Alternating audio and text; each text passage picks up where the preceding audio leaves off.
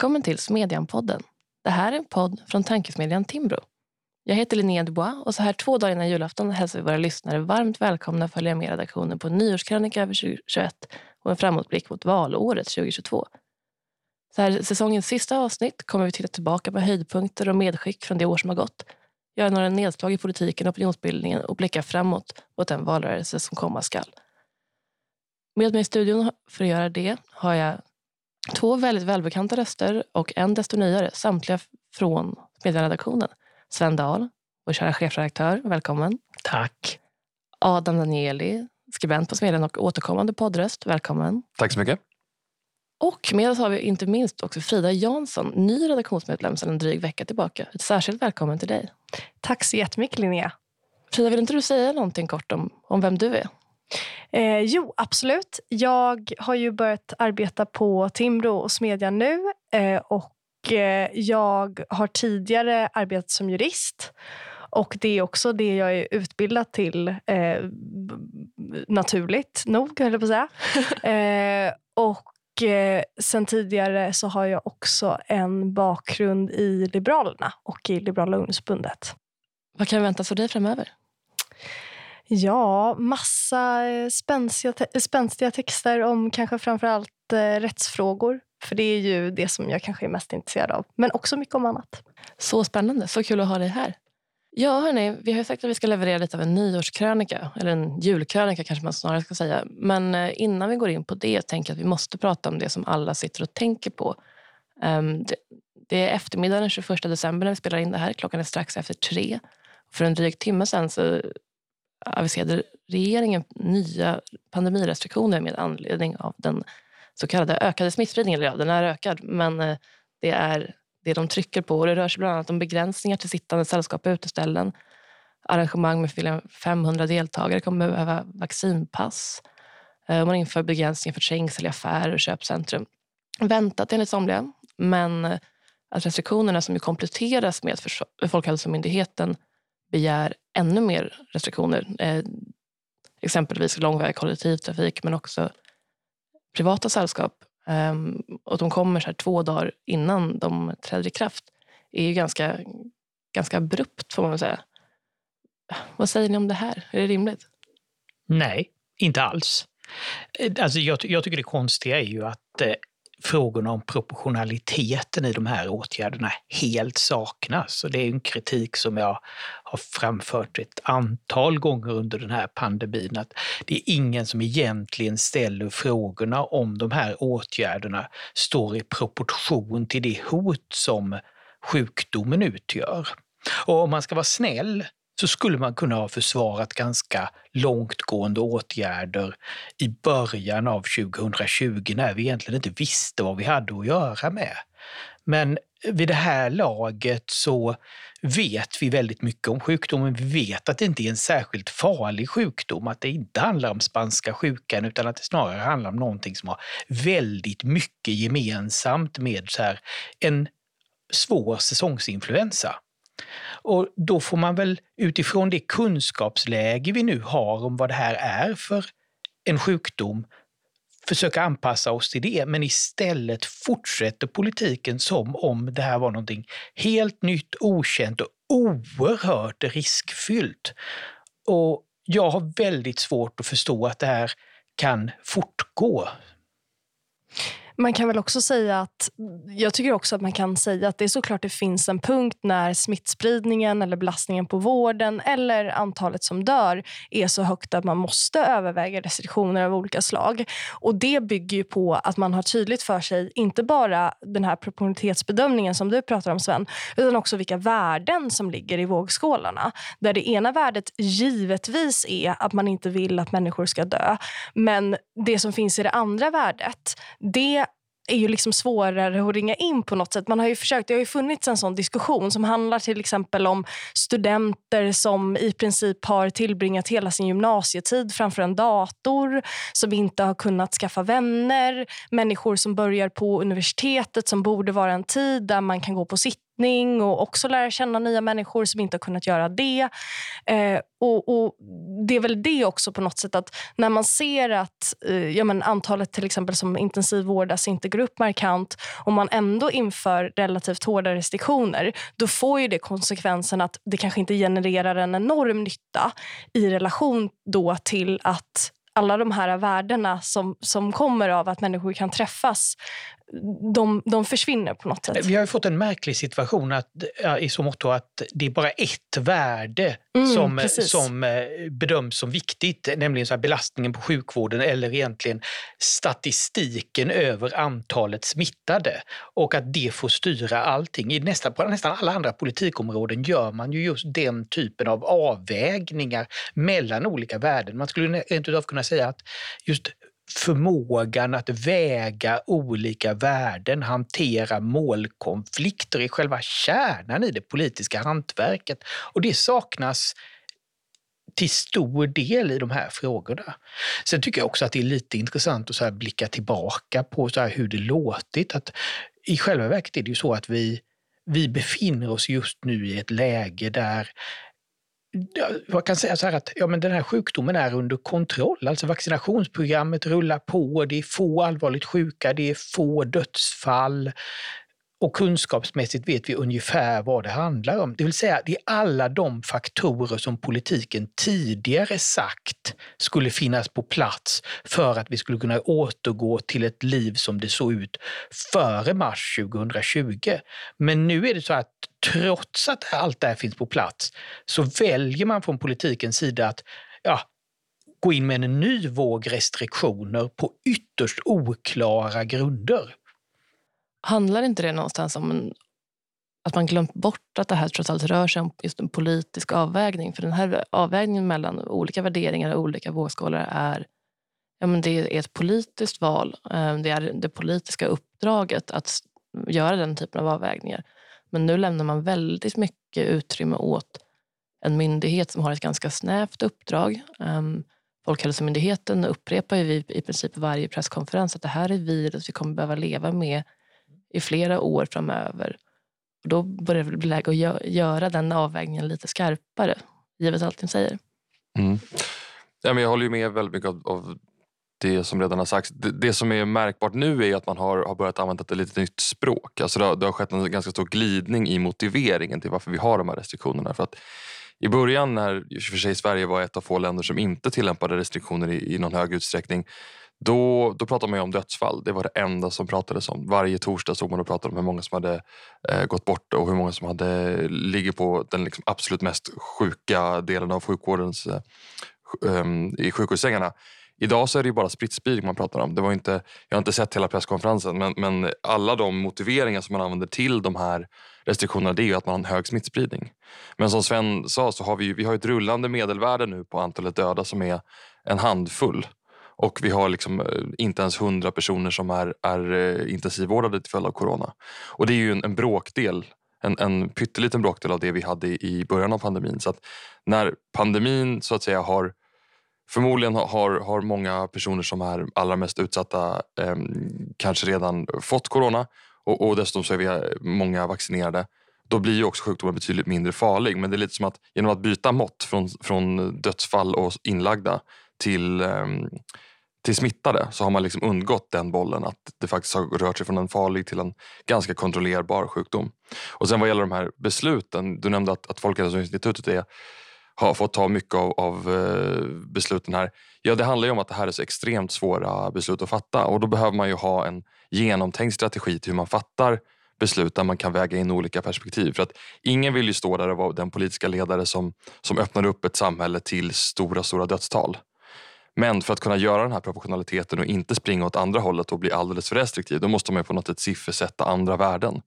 Och jag menar, vi har ju ingen aning idag vad det kostar med att, som du var inne på Frida, att sitta hemma. Vad kostar mm. det per dag? Halverar vi utbildningskvaliteten? Mm. Vi kanske sänker den med ännu mer än så. Vad, vad är liksom, kan man på något sätt, hur kan man på något sätt få in andra värden i ekvationen än bara de här talen som vi hela tiden hör från eh, Folkhälsomyndigheten myndigheten. Och det, och det finns något som är lite avfärdande i det där. Att man, man pratar ju ofta om att... Liksom, jag såg nu i Skåne till exempel så har smittan framförallt ökat bland unga personer. Och Då så finns det en diskurs som är så här, varför kan inte unga personer ta ansvar? Unga personer är bortskämda och, och så vidare. Men jag tänker på det när jag, liksom, eh, Sveriges elevkårers ordförande till exempel har ju lyft flera gånger att ungas psykiska ohälsa har ökat någonting dramatiskt till följd av distansundervisningen. Och Det är ganska allvarligt. Alltså det är människor som, för det första kanske, det är ju svårt att svara på men som på vissa sätt säkert kommer vara sämre rustade för arbetslivet för att man har missat så mycket just av det här sociala. Man vittnar om social ångest. Eh, det kommer, tror jag, ha, stora, ha en stor påverkan på samhället och samhällsekonomin. Ja, rent krasst kan man väl säga att de här åtgärderna kommer att få långsiktiga hälsoeffekter för väldigt många människor som är betydligt allvarligare än vad covid-19 är. kan man verkligen. Och då har vi inte ens varit inne på effekterna för eh, ja, näringslivet. Mm, eh, precis. Nej, för vad man gör nu är ju i princip att man än en gång så här rycker undan mattan för ja, men, ganska stora delar av näringslivet. Och det är precis inför hemvändarkvällar och mellandagsreor och allt annat som för många har varit ljuset i slutet av tunneln. Vill säga. Sista ordet är nog inte sagt om pandemipolitiken dessvärre, men vi har haft mer att prata om så vi glider vidare tänker jag ehm, till den här utlövade årskrönikan lite. Ehm, om vi tittar tillbaka på året, utöver pandemin, vad skulle ni lyfta fram som, som det som har präglat året mest? Jag skulle nog säga att den stora frågan i år som dykt upp och som blivit verkligt, verkligt stor är, ju, är frågan så här om förutsättningarna för att driva industri i Sverige. Alltså egentligen det är energifrågan och det är hela tillståndsfrågorna. Tänk Cementa, tänk LKAB. Hela det frågekomplexet som ju egentligen handlar om så grundläggande infrastruktur i, i Sverige har blivit ja, men, påtagligt aktuellt och att, det har, och att väldigt många har fått upp ögonen för det i, under året. Och, jag, och där har jag, ändå om man ska vara lite optimistisk eh, inför, inför framtiden, att det faktiskt kan hända, Eh, hända saker i positiv riktning där under det under det kommande året. Att det blir enklare, enklare tillståndsprocesser, att det kanske sker någon form av uppluckring i så här kärnkraftsmotståndet i, på politisk nivå under de kommande åren.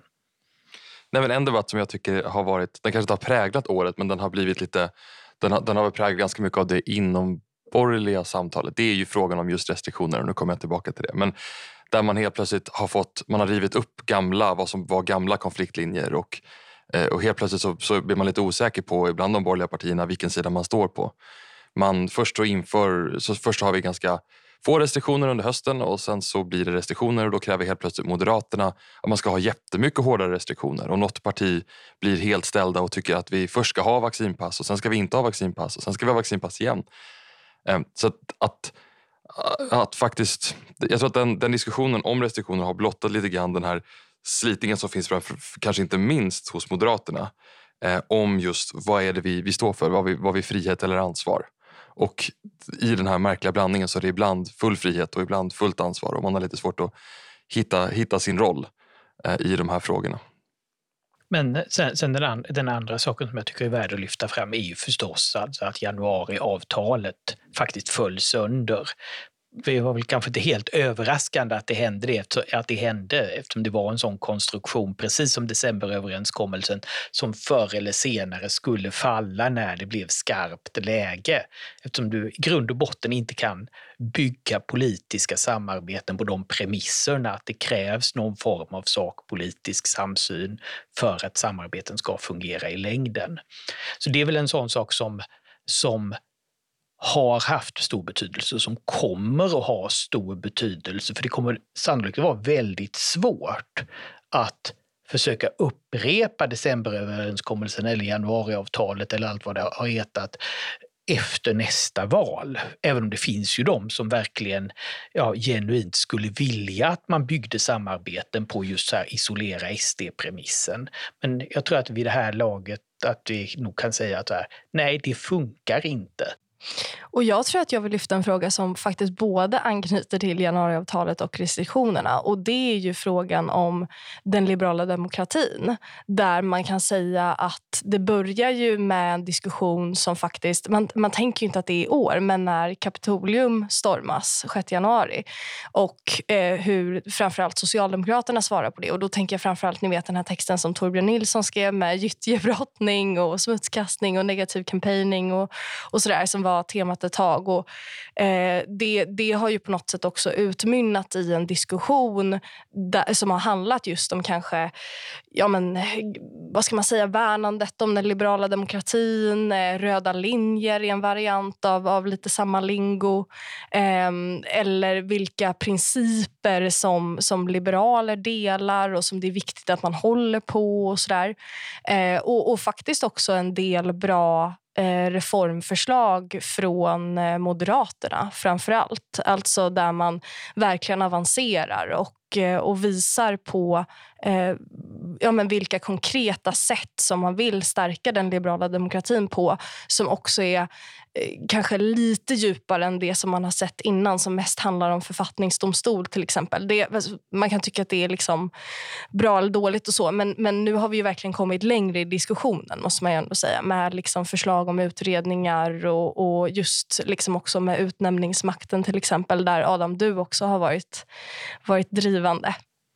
Ja, om jag får säga det så tycker jag att du skrev, själv skrev en väldigt bra artikel om just januariavtalet och hur de premisserna som det ingicks på som gjorde att du så i grund och botten var positiv till det initialt, att hur det, de en efter annan fallit, fallit bort och där du just pekar på så här försvaret för den liberala demokratin som en viktig faktor, att där är ja, men Moderaterna idag det parti som ja, men har de bästa och skarpaste förslagen. Precis, och det är också på något sätt så blir det lite så här, att man bara säger man vill värna den liberala demokratin. Då, då ska man också fråga sig så här, hur mycket liberal demokrati har vi i Sverige idag? Alltså det är ju, det är ändå på något sätt eh, ja, men relativt nyligen som man får till exempel skadestånd eh, på svensk grundlag om staten har överträtt ens rättigheter. Det är en ganska eh, ny så att säga, rättsutveckling som är väldigt positiv. Eh, men det är ju liksom inte på något sätt som att, eh, ja, men det här, eh, att vi, att vi liksom vårdar nåt alster från, eh, från liksom hundra år sedan. Det kan man inte säga. Eller vad säger du, Adam? Nej, vi har haft ganska många diskussioner kring hur, hur den här liberala demokratin egentligen mår. För att det, det känns som att det går åt olika håll samtidigt. Dels så har vi en ganska positiv utveckling som du nämner. Det ligger en ganska bra det finns några bra förslag i den grundlagsutredning som finns nu. Det skulle behöva tillsättas en, vilket jag tror att många partier är inne på efter nästa val. Samtidigt som vi ser att det finns, liksom, när det kommer till lite mer finmaskiga saker, till exempel myndighetsstyrning och utnämningsmakten som jag har skrivit Eh, om och eh, hur relationen mellan regering och myndigheter faktiskt funkar. Ansvarsfördelningen. Vad gör en region och vad gör Folkhälsomyndigheten och vad gör regeringen? Och så här. Där ser vi ju en eh, kollaps av sällan skådat slag. Så att det går framåt på en front och bakåt på en front. Det anknyter ju också kanske lite till det vi pratade om innan med Folkhälsomyndigheten. Att man på något sätt skjuter in normativa avvägningar i en förvaltningskontext på något sätt. Ja, men verkligen. Och kollaps, som du sa Adam, är väl ett eh, passande ord på sätt och vis. För det har väl, trots den men, reformvåg ni ändå är inne på verkar börja puttra så har det varit ganska mycket av ett krisernas år. Vi har haft fler än en regeringskris. Vi har haft en cementkris, vi har haft en elkris, vi har haft en demokratikris. Det har varit väldigt mycket kris hela tiden. Så, så pass att man så här i efterhand nästan har glömt dem allihop eh, i i vimlet. Med anledning av det, hur skulle ni säga att liksom, debatten mår inför, inför nästa år? Hur är det liksom, tonläget i svensk politik? Jag skulle säga att eh, det är väl lite det, ur det ljuset man också bör se den senaste restriktionsvågen. Att det är klart att här har vi en, här har vi en, en regering som är oerhört svag parlamentariskt, som har ett antal ja, både politiska och sakpolitiska kriser i bagaget och, och som faktiskt är skyldiga till ganska många av de problem vi har ja, på olika områden. Från cementkrisen till elkrisen till, så här, ett, inte att förglömma, så här, ja, men, alltså, brottsligheten som ju fortsätter att vara ett jättestort problem som vi faktiskt inte pratat om lika mycket i år som tidigare år. Lite på grund av de andra kriserna. Men nu försöker man visa sig handlingskraftiga och starka genom att ja, men ta, ta i som bara den i så här pandemipolitiken och föreslå, föreslå de här restriktionerna. Det låter ju nästan som att vi inte har haft en socialdemokratisk statsminister i sju år redan. Nu man ska vända ja, men, på varje sten och plötsligt ta hårda tag i allt. Alltså det, det, är ju det som är det, det som är det märkliga. Och jag tror att här finns det för oss på den borgerliga sidan um, som ja, i olika kapaciteter har en väldigt viktig uppgift i nästa år. Påpeka det att den här regeringen må vara en ren socialdemokratisk regering, men den är bara en förlängning av den, de regeringarna vi haft de senaste sju åren. Den har exakt samma parlamentariska underlag, ska vi också komma ihåg. Så att egentligen är det bara att det är en kosmetisk förändring. Alltså kosmetisk och kosmetisk. Ja, eh, Miljöpartiet har ju lämnat och de lämnar lite för sent för att man faktiskt ska kunna lägga om politiken och lite för tidigt för att det, man bara ska kunna gå på valkampanj direkt. Så det är lite, lite mellanläge nu. Vi kommer nog få se väldigt mycket socialdemokratiska eh, vallöften som strömmar ut i vår. För att nu är vi liksom, då är man tillbaka i, i förarsätet efter att ha kört tillsammans med ett annat parti under väldigt lång tid. Och, men det här är ju, det är ju ett problem för sossarna att de har bundit upp sig i sju år och att det kommer att ta tid att frigöra sig från många av de miljöpartistiska åsikter som man kanske på något sätt har vaggats in i eller i alla fall levt med i, i sju år. Det, nu kanske jag svär lite i kyrkan men det finns ju väldigt många frågor som där Miljöpartiet har varit en, en bromsande faktor och där Socialdemokrater absolut inte hade haft något problem med att göra upp med andra partier om, om man väl hade haft eh, den möjligheten. Jag tänker kring, jag menar, traditionellt har industripolitik och, och kärnkraft och sånt här varit någonting där man har varit väldigt pragmatisk. Men nu har man haft ett principfast ankare eh, och ja, på något sätt. Jag, jag tror att den, den, viktiga frågan är ju vad ska man bilda för regering efter nästa val? Socialdemokraterna de drömmer nog om att man bara ska fortsätta som om det inte har varit val alls. Att man ska ha den här märkliga passiva, passiva eh, majoriteten i, i riksdagen samtidigt som man själv får sitta som, som ensam person i förarsätet och in, inte behöver göra behöver göra upp med speciellt många andra på den absolut högsta nivån. Jag tror att det ligger väldigt mycket i det. Jag tror också att eh, det finns nog väldigt många i Socialdemokraterna som faktiskt innerst inne hoppas på att Miljöpartiet åker ur. För då skulle man slutligen slippa undan att ha Miljöpartiet i sitt regeringsunderlag. Men så länge Miljöpartiet sitter i riksdagen är det svårt för Socialdemokraterna att komma undan mm. det här att, eh, att komma undan det parti som faktiskt eh, ja, men, på väldigt många områden står för en diametralt annan politik än vad åtminstone de socialdemokratiska väljarna önskar sig. Mm. Jag tror att det finns ett och annat socialdemokratiskt statsråd som kan tänka sig att ta det första spadtaget när vi, när vi bygger nästa kärnkraftverk till exempel. Jag tror att det, det är nog ingen som sitter och fruktar den dagen där Socialdemokraterna kan vara de som nu löste den här krisen som de själva bara har puttrat på och, och skapat. Jag tycker ändå det är skickligt av S att eh, på något sätt eh, välja Magdalena Andersson så här inför valåret. För det är ju väldigt svårt att bli omvald en tredje mandatperiod som statsminister. Jag kommer att jag läste någonstans att senast det hände så var det Erlander. Och det, det tycker jag ändå, det visar ju precis att man liksom man, man positionerar sig om sig inför valet. Det kanske är så precis att det kan bli någon, några uppgörelser med, uppgörelser med Moderaterna till exempelvis nu när Miljöpartiet har lämnat. Eh, jag tror också att Magdalena Anderssons profil kan göra att politiken... Alltså man får komma ihåg också att det politiska minnet är relativt kort. Alltså nu så kanske man pratar om energifrågan och, och sådär men, men det är svårt på något sätt att förutse tycker jag vad som kommer vara de stora frågorna i valet nu när det är lite mindre än ett år kvar. Eh, och, och, Där tror jag att de kommer ha en chans att avancera just när det kommer till till exempel eh, jobbpolitiken eller kanske mer de liksom, klassiska ekonomiska frågorna och, och eh, kommer nog köra ganska hårt på det tror jag. Svårt att förutse är det ju alltid. Men ni andra då, har ni några spaningar på frågor ni tror kommer att gå att bygga konfliktlinjer kring i den valrörelse som kommer? Nej, men jag, alltså jag tror ju att här ansvarsutkrävandet efter de här mandatperioderna kommer att, vara, kommer att vara det helt centrala. Att det kommer att handla om brottsligheten, det kommer att handla om, om energipolitiken, det kommer att handla om ja, låt oss säga i bred bemärkelse så här, ja, men förutsättningarna för att driva industrier. Alltså jag tror att de tillståndsfrågorna kommer att dyka upp. Alltså ska vi ha återkommande cementkriser och eh, etc. Sen, sen tror jag att det finns en, en potential i de ekonomisk-politiska frågorna som vi pratat lite om här i Smedjan, eh, i Smedjan-podden tidigare under, under hösten. Att, att frågorna om så bidragsberoende är stora, engagerar väldigt många väljare. Um, så att man skulle väl kunna, och inte minst engagera frågorna väljare som är potentiella blockbytare. Så att en offensiv för arbetslinjen från de borgerliga sidorna, från den borgerliga sidan kan ha exakt samma effekt 2022 som den hade 2006, att flytta väljare från S till över blockgränsen. Ja, det, det, det, du pekar på nu det skulle ju vara en ganska optimistisk beskrivning tänker jag i och med att det har så stor potential bland de som funderar på att byta block. Jag tror ju tyvärr att många av de frågorna som vi, som vi pratar om och som vi har lyft upp här de, är ju, de skär ju rätt igenom valmanskåren. Det vill säga att antingen så påverkas du väldigt mycket eller så påverkas du, du inte alls.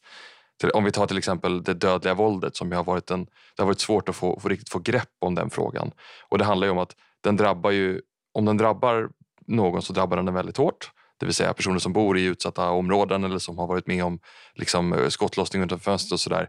De är ju väldigt drabbade. Men de flesta personerna i Sverige har ju inte sett det här med egna ögon. Samma sak gäller ju med, med arbetslöshet. Om man tittar på vissa grupper så har ju en, har ju en fruktansvärt dålig situation. Men för de allra flesta i samhället så går det ju också väldigt bra. Ehm, så att jag tror att det kan bli svårt att få grepp om de här frågorna. Det är väl upp till, till borgerligheten och, och på något sätt hitta lite, lite mer eh, sätt att se på de här frågorna som engagerar fler. Men jag tror ju att vi kommer att få se en keynesiansk eh, renässans i vår. När Socialdemokraterna kommer att säga att ja, men nu ska vi spendera oss ur um, den här krisen och vi ska bygga upp... Ja, men man, man kommer att peka på att det finns en massa välfärdsskulder um, som... Ja, det, det är ett sånt begrepp som man, man ständigt återkommer till. Men det kommer att bli... Det här ansvarsutkrävandet, jag, jag vet faktiskt inte det hade varit en, en eh, bra valfråga men det är nog svårt att, svårt att förverkliga det. Ja, särskilt i ett läge där, där regeringen gör allt för att upprätthålla bilden av att vi befinner oss i en krissituation. Mm, jo, verkligen.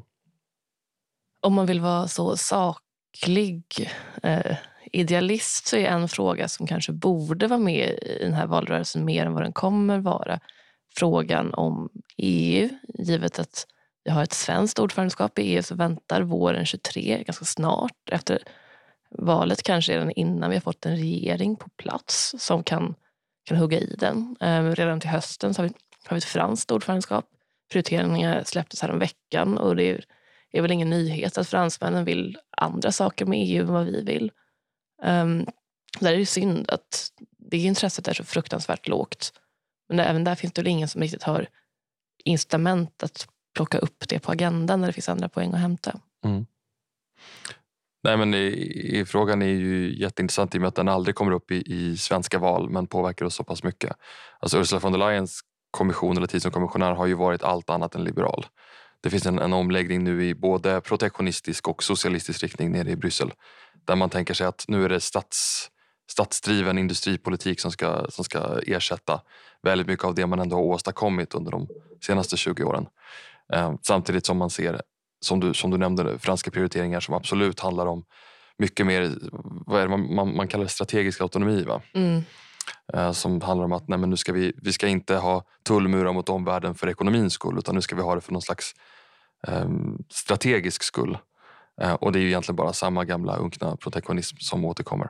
Det här är ju extremt besvärligt för svensk del att, man, att vi sen egentligen Storbritannien lämnade inte har någon rimlig strategi för hur vi ska men, förvalta de värdena som det faktiskt finns ganska bred politisk samsyn kring i, i Sverige.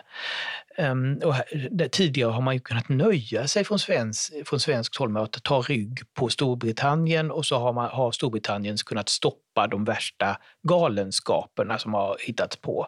Men nu eh, finns, vet man inte hur man ska göra. Alltså det, alltså det, finns, det finns embryon till strategier men det är, det är nog lite, det är, nu, det är kanske först nu det straffar sig att svenska politiker aldrig riktigt tänkt igenom hur man ska, hur man ska förhålla sig till, till processerna i EUs institutioner. Att man faktiskt måste tänka vad man vill uppnå och hur man ska nå dit och till vilka som är, vilka man, vilka som är naturliga allierade. Man har aldrig behövt reflektera över de frågorna. Jag tycker också att det finns ett problem med att man i vissa sammanhang från svenskt håll inte är med och förhandlar vid bordet. Alltså just kanske när det kommer till penningpolitiken och då bankunionen. Alltså att man väljer att stå utanför när man kan påverka besluten och också på något sätt bilda allianser med ja, men till exempel Danmark eller andra länder som har liknande intressen. Eh, det tror jag hade varit, hade varit bra. Vi får önska vidare och tills dess kanske fokusera lite mer på de frågorna själva i ett då svagt hopp om att någon vacker dag inser att vi har de här problemen och det bara kommer bli värre tills att vi sitter med ett helt annat EU än det vi ville ha i knät och runt oss um, och att vi ska betala för det, så att säga. Um, men apropå Smedjan, om vi kort ska kika tillbaka på, på Smedjans år, um, det som har gått, är det något särskilt vi minns från från utgivningen. Adam, vad säger du? Ja, jag satt och funderade på vad vi har publicerat i år och det är en väldig massa olika ämnen. Men en artikel som jag skulle vilja lyfta fram den är skriven av Fredrik Johansson och handlar om Tage Erlander.